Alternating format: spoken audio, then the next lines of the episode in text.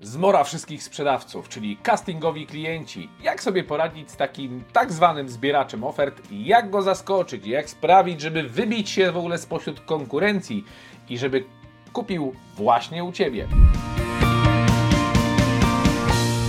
Bardzo często dostaję na ten temat pytania, jak poradzić sobie w momencie, kiedy klient robi casting, w sensie o, to nie on startuje w castingu, on zaprasza niejako ciebie, niczym modela czy modelkę na wybieg, po to, żebyś tutaj się przespacerował czy przespacerowała, pokazała wszystkie swoje atuty, a on wybierze to, co mu się najbardziej podoba, czytaj, wybierze najtaniej. Jak sobie z takimi klientami radzić? Zacznijmy w ogóle od podstaw. Zanim pokażę Ci całą e, w scenkach, cały schemat, cały sposób postępowania, po pierwsze, czego nie robić, a po drugie, w pięciu krokach, co zrobić, żeby wybić się na tle konkurencji, czyli wyróżnić się i sprzedać, to zastanówmy się nad podstawami, czyli powodami, dlaczego w ogóle klienci tak robią. Dlaczego klienci porównują oferty. Pierwsza rzecz, Wyobraź sobie taką sytuację, gdzie ja, jako człowiek, który z budowlanką nie ma nic wspólnego, poza tym, że jedna z moich pierwszych prac to było kopanie rowów za 5 zł na godzinę. Tyle wiem o budowlance. I teraz ja na przykład przychodzę do ciebie, a ty zajmujesz się budowaniem domów i pytam cię o to, ile kosztuje zbudowanie domu? No to pierwsze pytanie, a jakiego domu? No 160 metrów. Okay. Czy jest już działka? Jaka to działka? Co tam jest na tej działce? Bo pytanie, jakie muszą być fundamenty i tak dalej. Z czego ten ma dom być zrobiony? Jakie będą okna? Czy ma Pan jakiś projekt? Nie, nie, na razie to się chcę zorientować, e, ile kosztuje dom. No dom to może kosztować od do, wszystko zależy od tego, z czego się składa, jak wygląda, jak będzie duży i tak dalej, i tak dalej. To wszystko jest chyba jasne. Ale teraz do jakiego wniosku właśnie do, do, dochodzimy?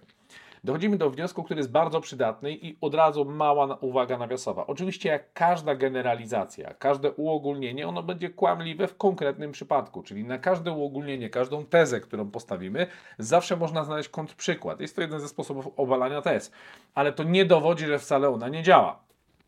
I teraz przydatnym założeniem, które mi się od 17 lat przydaje, które przydaje się wszystkim handlowcom, których szkole, moim klientom, którzy je przyjmują i zaczynają stosować, to jeżeli przychodzi do ciebie klient, który jest zielony w temacie, który ty sprzedajesz, to jest fotowoltaika, domy, termomiksy, ubezpieczenia, kredyty, nie ma znaczenia, że on nigdy nie korzystał z tego rodzaju produktu czy usługi, to on nie wie, czego szuka. Jeżeli ja nigdy nie budowałem domu, to ja nie wiem, mówię y, czysto hipotetycznie, to ja nie wiem, czego ja szukam.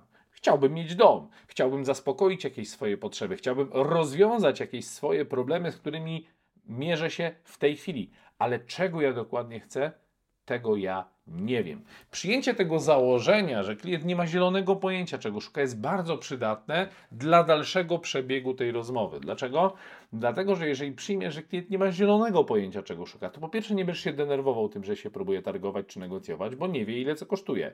Nie będziesz się denerwował tym, że zadaje czasami durne pytania w cudzysłowie, bo ma prawo je zadawać, bo się na tym nie zna. To wpłynie też na to, jakim językiem ty do niego będziesz mówić, bo może odrzucisz fachowy slang i zaczniesz mówić prostymi przykładami, po to, żeby w ogóle rozumiał, a nie żeby traktował cię jako osobę, która mówi do niego po chińsku. Drugie założenie, które jest bardzo przydatne, jeżeli chodzi o takich porównywaczy ofert, to zobacz, posłużę się pewnym rekwizytem. Wyobraź sobie, że masz klienta, który szuka czarnych, nausznych słuchawek. No i mamy tu dwa egzemplarze takich y, słuchawek. Tu w firmie nie mają akurat w tej chwili żadnego znaczenia.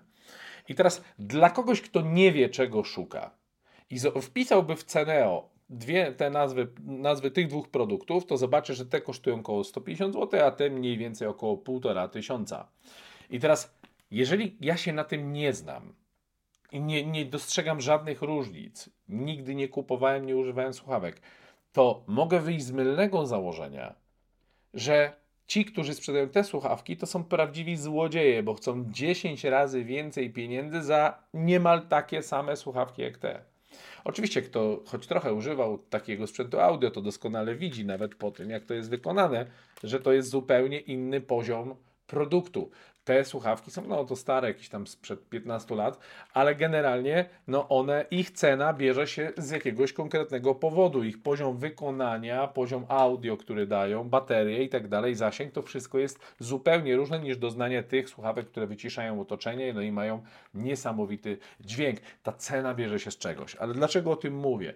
Mówię o tym dlatego, że Klient, kiedy przychodzi i porównuje tylko cenę, to bierze się to z założenia, które ma w głowie, że to jest ten sam produkt, że to są takie same, niemal czarne słuchawki i różnią się jedynie ceną, więc nie chcę być jako klient, ja nie chcę być frajerem, ja nie chcę zostać nabity, nie chcę zostać oszukany, więc kupię taniej, bo skoro to to samo, jak to było w reklamie, skoro nie ma różnicy, to po co przepłacać?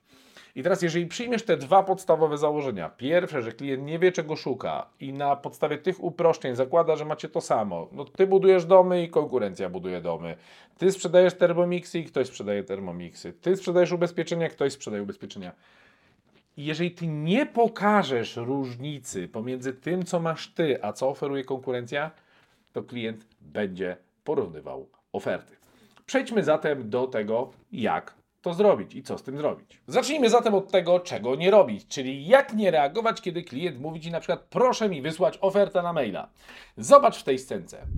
E, dobrze, już wysyłam ofertę na maila. Dlaczego nie robić w ten sposób? Pierwszy powód to to, że klient w takiej sytuacji po prostu nie płaci ci za twój czas ani twoją energię. Żeby przygotować mu ofertę, nawet jak masz gotowca, to musisz poświęcić na to czas i energię. Jeżeli ty wyślesz mu to, tę ofertę, a on dokładnie tak robi, że zbiera tę ofertę z rynku, to on to zbiera i przejrzy, kierując się głównie ceną, bo będzie myślał, że to jest to samo nie chcesz wpadać do tego woreczka, do tej szuflady, kto zrobi to taniej, czyli kto, mówiąc kolokwialnie językiem sprzedażowym, ściągnie gacie niżej. Więc co w takiej sytuacji zrobić? Musisz doprowadzić do tego, żeby klient ci zapłacił za przygotowanie takiej oferty. Tak, wiem, co teraz się budzi. Jak zapłacił? Jak zapłacił? Przecież w mojej branży nikt nie bierze pieniędzy za oferty. Pieniądze to nie jest jedyna forma czy waluta, którą klient może ci zapłacić. Takie, tego typu myślenie też ogranicza Twój rozwój, bo to, czym klient musi Ci czymś zapłacić. Dlaczego? Bo rzeczy, za które nie płacimy, za tych nie doceniamy. To, za co zapłacimy, traktujemy z wyższą starannością, nadajemy temu podświadomie większą wartość. To jak klient mógłby mi zapłacić, zapytasz? Klient może Ci zapłacić swoim czasem, i informacjami. I te dwie waluty wystarczą, żeby uruchomić tak zwaną regułę zaangażowania. Reguła zaangażowania polega na tym, że jeżeli klienta zaangażujesz w pewien proces, chociażby ten, jak mówimy kolokwialnie, badania potrzeb, to klient udzielając Ci odpowiedzi na pytania, poświęcając czas, czuje, że w relacji z Tobą już zaangażował się i coś poświęcił, czymś zapłacił. Pamiętaj, że Twoi konkurenci, ponieważ prawdopodobnie mogą nie obserwować jeszcze tego kanału, i mogą nie wiedzieć o tych mykach. Prawdopodobnie wysłali grzecznie jak, jako słudzy, którzy, dla których klient to ich pan, wysłali jako słudzy ofertę i czekają na decyzję klienta, której nie zobaczą prawdopodobnie nigdy. Więc dlaczego, dlaczego w ten sposób? Jeżeli klient się zaangażu zaangażuje, zacznie udzielać Ci odpowiedzi, poświęci czas, czyli zapłaci za przygotowanie Twojej oferty, to zacznie dostrzegać różnicę, że tych dziewięciu poprzednich, którzy wysłał mu ofertę, w ogóle nie dociekało żadnych informacji. A tu nagle jeden gość się ceni, jeden człowiek nagle stwierdza, że on chce konkretnych informacji, zanim wyśle ofertę to już Cię wyróżnia na tle konkurencji. Druga sprawa to selekcja. Selekcja klientów jest jedną z najważniejszych umiejętności, którą im szybciej opanujesz, tym lepiej. Spośród tych, którzy będą pytać o oferty, zwłaszcza z porównywaczy ofert, są trzy grupy klientów, których nie chcesz obsługiwać. Pierwsza to są ci, których nie stać na Twój produkt i tak go nie kupią. Druga to jest taka, którą nawet i tak, jeżeli stać, to i tak będą szukali na taniej, bo, najtaniej, bo jakość nie ma dla nich kompletnie żadnego znaczenia. I trzecia grupa to są klienci toksyczni, którzy są roszczeniowi, którzy tak dużo wymagają kosztu obsługi, czyli energii, emocji, zaangażowania, że finalnie jakbyś pod, podliczył czy podliczyła rachunek zysków i strat, to lepiej było w ogóle nie ruszać palcem, nie obsługiwać tych klientów i byłby przynajmniej święty spokój. I teraz, dlaczego o tym mówię? To, to w tej trzeciej grupie toksycznych klientów są też ci, którzy próbują narzucić cały sp sposób prowadzenia rozmowy sprzedawcy, to oni chcą dyktować warunki. Jeżeli chcesz zaufać mojemu 17-letniemu doświadczeniu w sprzedaży, wysyłaj ich do konkurencji. Niech maltretują ich, niech niszczą Twoją konkurencję, wykończą ich szybciej niż inflacja. Podsumowując, te, ten proces, który za chwilę Ci pokażę, pięciu pytań, pomoże Ci wyselekcjonować klientów, bo zarówno ci, którzy nie mają kasy, nie mają też cierpliwości, ci, którzy i tak chcą kupić najtaniej nie będą chcieli Ci udzielać informacji, bo oni tylko chcą cenę, tylko cena, tam nie ma znaczenia żadne pitu pitu.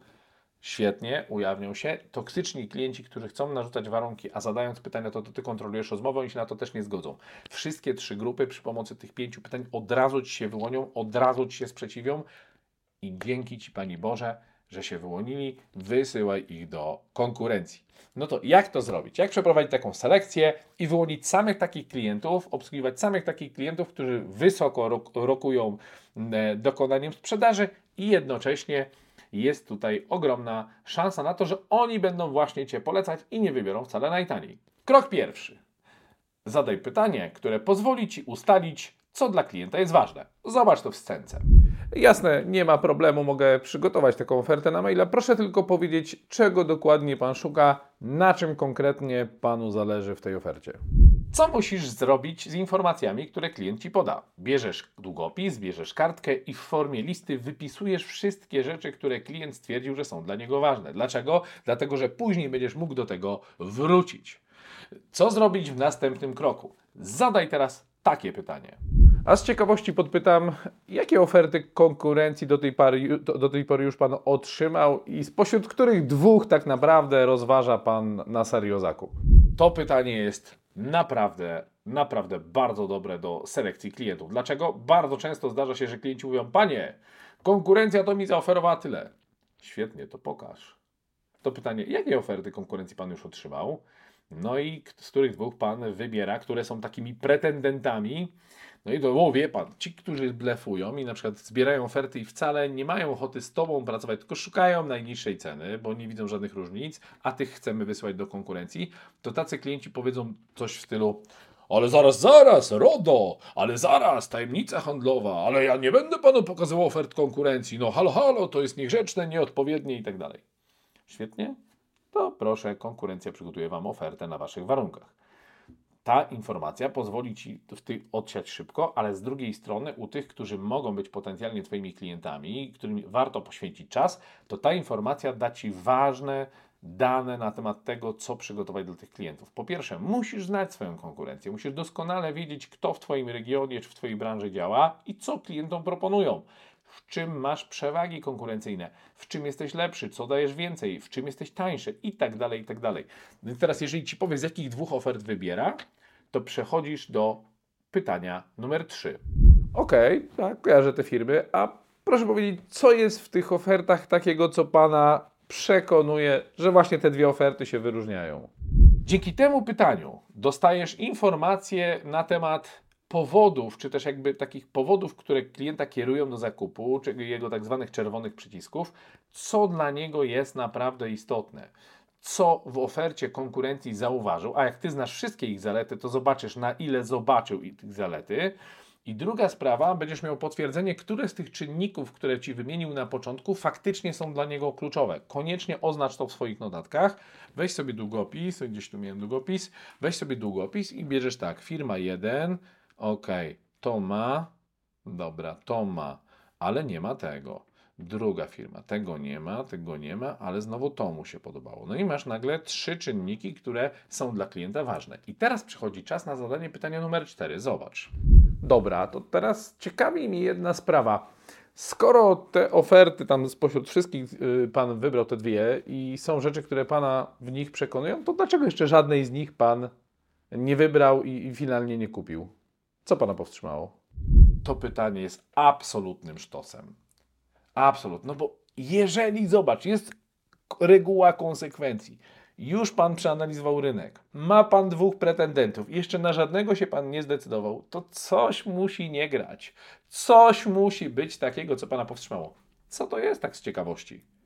Więc w tym momencie, kiedy zapytasz klienta, co Pana powstrzymało, to on Ci zacznie, i tu są dwie korzyści. Po pierwsze, przed chwilą Ci powiedział, które oferty rozważa na poważnie, a teraz sam je zaatakuje.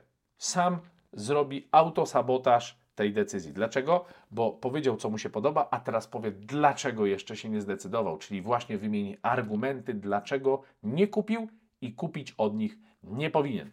Te informacje to też dla Ciebie informacje o obiekcjach, których Twoja konkurencja klientowi nie rozbroiła. Ty dostając te informacje możesz rozbroić te obawy, rozbroić te obiekcje i pokazać, w jaki sposób Twój produkt te obiekcje na nie odpowiada, czy też jak pozwala uniknąć rzeczy, których klient uniknąć by chciał.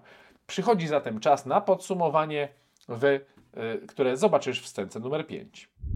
Ok, już mam większość informacji, których potrzebuję, żeby przygotować Panu indywidualną ofertę na maila. Pozwoli Pan, że jeszcze zanim to zrobię, to w trzech punktach podsumuję naszą rozmowę. Czyli rozumiem, że to, czego Pan szuka, to jest X, Y, Z, czyli tu wymieniam, e, wymieniam rzeczy ważne dla klienta. Zależy Panu na tym, żeby uniknąć X, Y, Z. I w dwóch słowach dosłownie podsumuję E, czym nasza oferta różni się od tego wszystkiego, co Pan do tej pory zobaczył? Zatem finalne podsumowanie tej rozmowy, zanim wyślesz ofertę na maila, a czasem już nie będziesz tego musiał robić, bo tak poprowadzona rozmowa w zasadzie prowadzi do sfinalizowania transakcji, to powinna przebiegać to podsumowanie według trzech kroków. Po pierwsze, pokaż w jaki sposób Twój produkt ma to wszystko, czego klient pragnie, czego szuka, co jest dla niego ważne.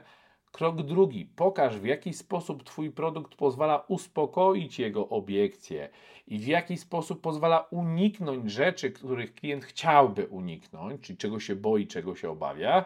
I trzecia rzecz. Teraz, ponieważ już wiesz spośród jakich ofert konkurencji, wiesz z kim walczysz, wiesz co jest dla klienta ważne, czemu od nich nie kupił, to pokaż jak Twój produkt ma więcej, jest lepszy niż to, co oferuje konkurencja. I zobacz, to właśnie dlatego obserwujesz ten kanał.